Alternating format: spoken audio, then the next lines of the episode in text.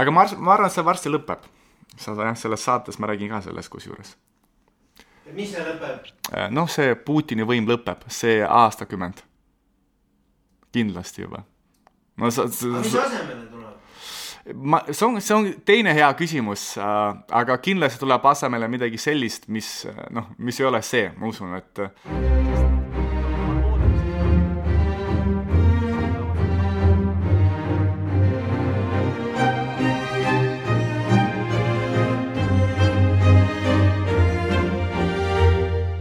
saatesari Täna Venemaal. Putini võim. Как ты к Путину относишься? Путину так 60%, ну даже 65 за, а 35 против. Ну а что тебе в Путине нравится? Вот за что можно похвалить? За то, что все-таки сохранил страну. За Россию. А так бы Россию уже ее растащили по кускам.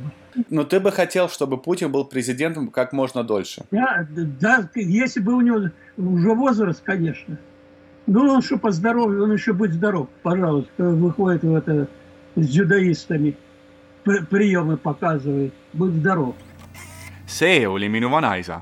ta rääkis, et talle meeldib Putin sellepärast, et Putin on tema meeles hoidnud Venemaa tugeva riigina on palju venelasi, kes usuvad Putinisse ning nende seas olen olnud ka mina ma ei tea. aasta oli tuhat üheksasada üheksakümmend üheksa. ma olin kümneaastane, interneti meil veel polnud, mistõttu me vaatasime kõige rohkem televiisorit. nagu enamik vene peresid, vaatasime me õhtuti Venemaa peamise telekanali ORT uudistesaadet Vremja erilist tähelepanu pöörati seal riigi poliitilisele elule, sealhulgas presidendi tööle, presidendiks oli siis Boriss Jeltsin, paks halli juustega onkel, kes armastas juua. Jeltsin oli tihti purjus isegi rahva ees esinedes. mäletan, kuidas ta luges midagi ette sellisel toonil, nagu oleks tal nina kinni. kui olukord seda tema meeles nõudis, võis ta tantsida seda veenvama mulje jättis tema kõrvale mees, kellest sai tuhande üheksasaja üheksakümne üheksanda aasta suvel Venemaa peaminister, energiline, kombekas, kiire taibuga ja õigeid sõnu leida oskav Vladimir Putin puhus Venemaale uuesti elu sisse. lõpuks ometi oli pehme keelega vana joodiku kõrvale ilmunud inimene, kes oma käitumise ja tegudega sisendas igaühele meist lootust, et Venemaa võib taas kord suureks saada vaadates nüüd tollesse aega tagasi, olen veendunud, et Vladimir Putin uskus ka ise sellesse. uskus, et Venemaa taastab oma kunagise mõjukuse kogu maailmas. riigis saab lõpuks olema kord majas ning kuritegevusele ja korruptsioonile pannakse piir. ja see saigi teoks kui Putin tõusis kahe tuhandel aastal presidendiks, tähistas seda terve Venemaa. rõõmustasin minagi, uus sajand, uus aastatuhat, uus president, kes teeb kindlasti kõik õigesti ja ta tegigi. Venemaa arenes ja tõusis aegpidi põlvedelt üles. temaga hakati koostööd tegema, temaga hakati lugu pidama ja lõpuks ometi hakati temaga arvestama Putini presidendikarjääri kõrghetkeks võib pidada kahe tuhande seitsmendal aastal Münchenis peetud kõned, millega Vladimir Putin tegi lõpu ühepoolsele maailmale. kahe tuhande kaheksandal aastal ei soovinud mitte keegi, mina kaasa arvatud, et Vladimir Putin lahkuks presidendiametist, eriti seetõttu, et silmapiiril ei paistnud väärilist vahetusmeest. sellegipoolest Putin lahkus, demonstreerides oma eeskujuga, et riigi põhiseadus on tähtsam kui isiklikud ambitsioonid. presidendi kohalt lahkumisega tõestas ta skeptikutele, et võimu vahetamine ja seega demokraatia on sellises riigis nagu Venemaa võimalikud möödus kümme aastat. mina olin üheksateist ning astusin Tallinna Tehnikaülikooli majanduserialale. sel aastal korraldas Putin oma teise ametiaja lõpus presskonverentsi, kus andis teada, et ta on enda tööga presidendina väga rahul, et ta on kõik need kaheksa aastat rüganud hommikust õhtuni nagu galeeriori ja et ta siiski läheb ära. Все эти восемь лет я пахал как раб на галерах с утра до ночи. И делал это Э, с полной отдачей сил. kuni selle presskonverentsini oli palju spekulatsioone selle üle, kas Putin võtab ka kolmanda ametiaja.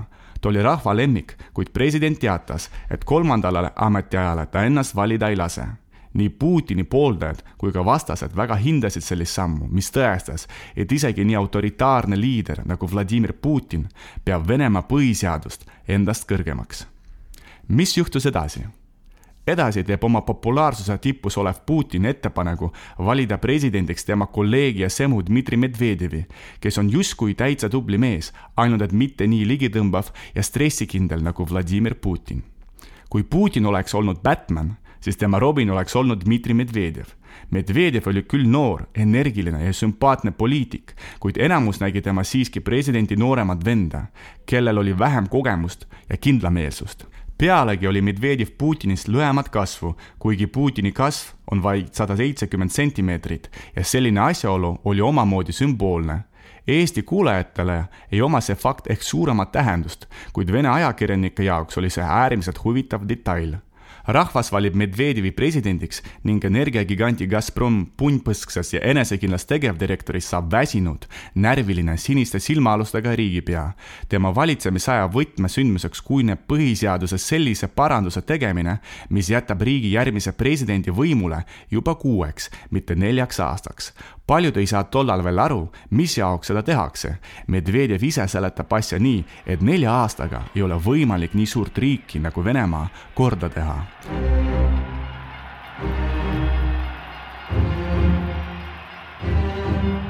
ent kahe tuhande kaheteistkümnendal aastal tuli Putin tagasi. ma olin pettunud nõks peitis sõnas järjest.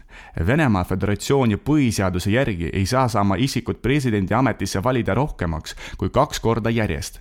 Putin ja tema meeskond nägid selles kavalat väljapääsu, aga jätnud seda kasutamata. plaan oli järgmine, pärast kahte järjestikust ametiaega võtta nelja-aastane paus ning seejärel lasta end uuesti ametisse valida, kuid nüüd juba kasutades Medvedjevi pakutud põhiseadusparandust kuueks aastaks.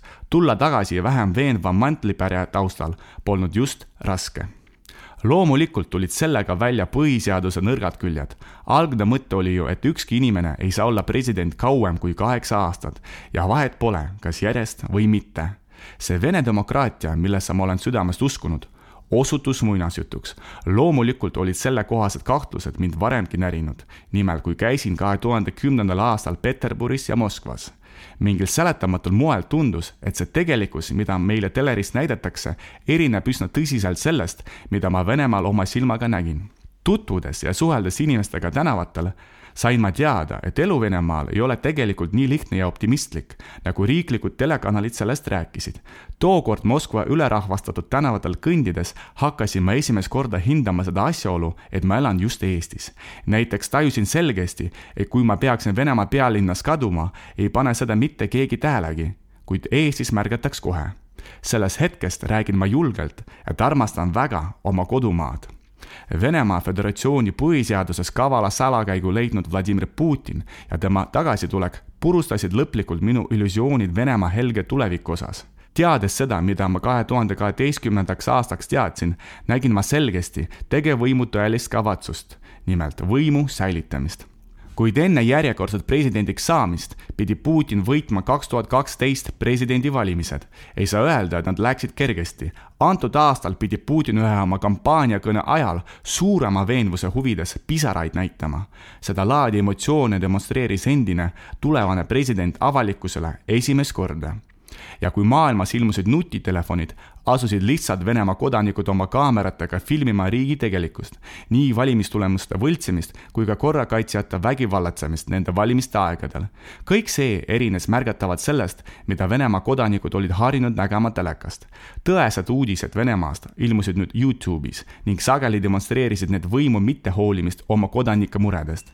sellest hetkest hakkas reaalne positsioon hoogu sisse saama.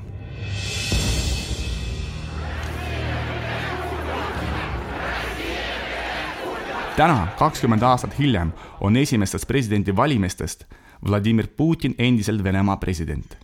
Käib Putini kaheksas valitsemisaasta pärast tema tagasivalimist. selle aasta jooksul kavatseb ta uuendada Venemaa konstitutsiooni, et olla president kuni aasta kaks tuhat kolmkümmend kuus. referendum konstitutsiooni uuenduse üle oli plaanis teha aprillis, kuid koroonaviiruse epideemia tõttu lükkas Putin rahvahääletuse tulevikku ta saab presidendi kohal olla veel neli aastat, misjärel peab paratamatult ametist lahkuma. paljud inimesed ei usu enam, et Putin päriselt lahkub ja õigesti teevad. Miks? kohe selgitan viieteistkümnendal jaanuaril kaks tuhat kakskümmend tegi Vladimir Putin oma aastakõnes parlamendile ettepaneku riigi põhiseadust värskendada ning teha selles mitmeid muudatusi. muuhulgas tuli sealt eemaldada juba meile tuntud sõna järjest.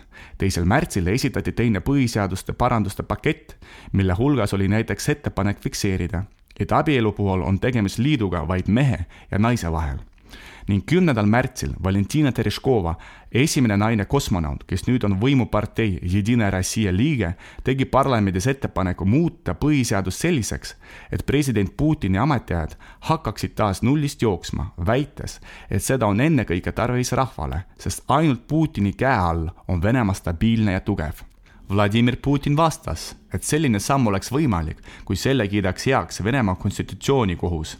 teoreetiliselt ei pruugi niisugust heakskiitu tulla, kuna selline kogemus on juba Venemaa ajaloos olnud tuhande üheksasaja üheksakümne kaheksandal aastal presidendiks oli Boriss Jeltsin ning tekkis küsimus, kas pidada tema ametiaega teiseks või esimeseks, sest esimest korda valiti Jeltsin Venemaa juhiks veel vana põhiseaduse järgi ja isegi teises riigis, Nõukogude Liidus, mille koosseisu Venemaa, nagu ka Eesti, oli kuulunud. Seda arvesse võttes olid tuhande üheksasaja üheksakümne kuuenda aasta presidendivalimised Jeltsini jaoks esimesed, kuid kohus oli teist meelt ja jõudis järeldusele, et president on võimul siiski juba teist järjestikust ametiaega. ent möödub kakskümmend kaks aastat ja kuueteistkümnendal märtsil kaks tuhat kakskümmend langetab seesama kohus analoogses küsimuses teise otsuse. nimelt tunnistab põhiseaduse muudatused ühehäälselt õigeks rahvahääletus põhiseaduse muutmise üle oli algselt plaanis teha kakskümmend kaks aprill kaks tuhat kakskümmend. Venemaa ajaloos on see sümboolne kuupäev. sellel päeval sündis kommunismi isa Vladimir Lenin, kes asutas Nõukogude Liitu, maailma esimese sotsialistlikku riiki, kus praegune võimueliit on sündinud, saanud kasvatuse ja hariduse. kuid koroonaviiruse epideemia tõttu, nagu me juba teame, lükkas Putin rahvahääletuse tulevikku Nõukogude Liidu lagunemisest on Eestil olnud neli presidenti, Ukrainal kuus, Venemaal kolm, kui kõik me saame aru, et tegelikult kaks. Venemaa kodanikud nägid pikka aega Putinist tänapäevalist tsaari, tugevat ja tarka, kes aitas põlvili surutud riiki taas püsti. Putin ja Medvedjev lubasid üheskoos, et kahe tuhande kahekümnendaks aastaks on keskmine kuupalk Venemaal kaks tuhat viissada dollarit. see kahe tuhande kaheksanda aasta strateegia kandis pealkirja kaks tuhat kakskümmend lihtsa Venemaa inimese jaoks on enda ja oma riigi vägevus rahvusvahelisel areenil midagi loomulikku, isegi siis, kui selleks tuleb oma palgaga ja pensioniga ohverdada Putini poolehoidjad räägivad ka praegu, et mitte keegi ei suuda Putinit asendada ja küsivad teistmoodi mõtlejatelt, kes siis veel, kui mitte Putin. tõepoolest, kes sest kui reaalset opositsiooni televiisorist ei näidata, opositsionääre pannakse valesüüdistuste alusel vangi või koguni tapetakse, siis tõepoolest, kes siis veel, kui mitte Putin, oma igaveste oponentide, selliste nagu juba Jeltsini aegadest päritud Zjuganov ja Žirinovski taustal, paistab ametis olev president vägagi veenev venemaalastele parema elujärje lubamise hetkest on möödunud kaksteist aastat. elu Venemaal ei ole paremaks läinud. Kahe tuhande viiesaja taalane palk on osutunud müüdiks pealegi on riigieelarve turgutamiseks tõstetud pensionile jäämise vanust. see kõik on mõjunud Putini reitingule halvasti ja hetkel on see üle pika aja madalseisus. teda usaldab kõigest kakskümmend kaheksa protsenti kodanikest. seetõttu on juba põnev, missugune saab olema see referendum põhiseaduse muutmise üle ja kui kaua tavakodanikud tegevvõimu tühja lubadusi veel kannatavad legendaarne ajakirjanik Vladimir Pozner, kes ainsana tohib riigi peamisel föderaalkanalil tegevvõimu vastu avalikult sõna võtta, leiab, et praegu on suisa ohtlik end Putini toetajaks nimetada. Putini lähikonda kuuluv Venemaa endine majandusminister ja riigi suurima panga Sberbanki juht German Gref avaldas just Posneri saates arvamust, et veel sellel kümnendil leiab Venemaal aset verine revolutsioon, kuid selgitas samas, et selle tingivad globaalsed muutused maailma majanduses, milleks Venemaa ei ole valmis. kas sellel ajal seisab Venemaa eesotsas veel Vladimir Putin, ei oska keegi täpselt öelda majandusteadlane Sergei Guriev, kes oli Dmitri Medvedjevi majandusnõunik, kui ta president oli, on seisukohal, et Putini ametiaegade nullimine oleks põhiseadusvastane ja tähendaks kohtuvõimu sõltumatuse hävitamist.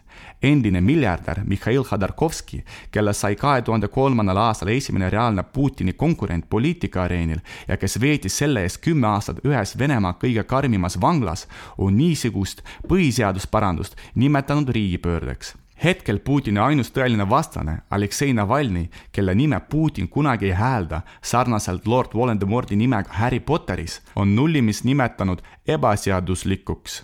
Navalnõi on hariduselt jurist ja peaks seega teemat piisavalt hästi valdama ta on arvamusel, et olgu rahvahääletuse tulemused millised tahes, neid võltsitakse ikkagi põhiseaduse muutmise kasuks tegelikult meenutab mulle Vladimir Putini isiksus kangesti legendaarse sarja Breaking Bad peategelast Walter White'i.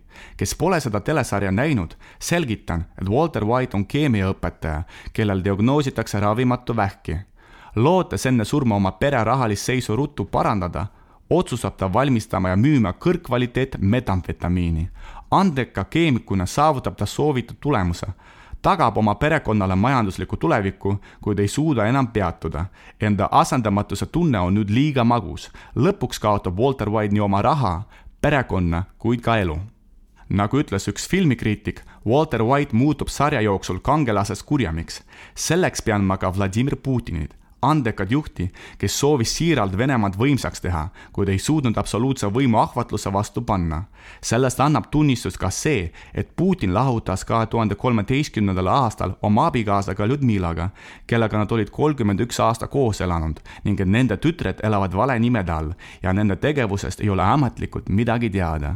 Nende isa põhjendab säärast salastatust turvalisuse kaalutlustega küsimustele oma eraelu kohta Vladimir Putin nüüd vastab naljaga, et ta on abielus Venemaaga. ja saate lõpuks panen peale ühe loo Venemaalt, Jegor Cesarev, Tabak ja vino. Do встречи!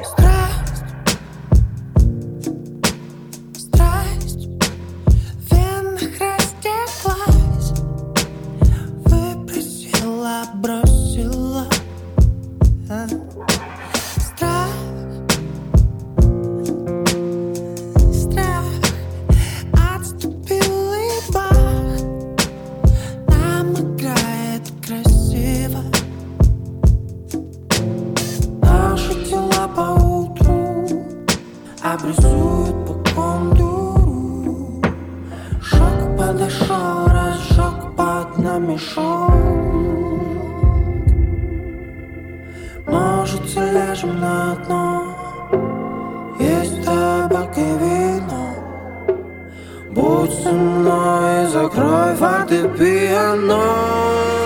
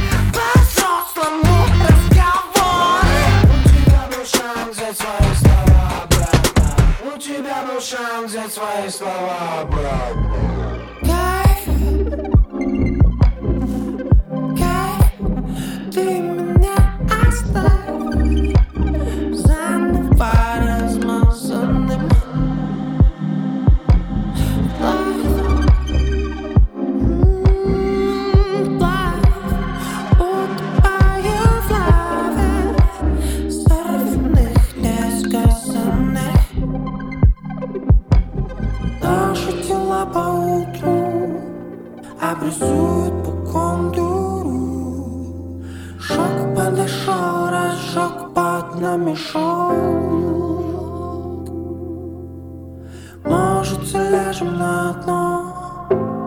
Есть табак и вино Будь со мной, закрой воды пьяной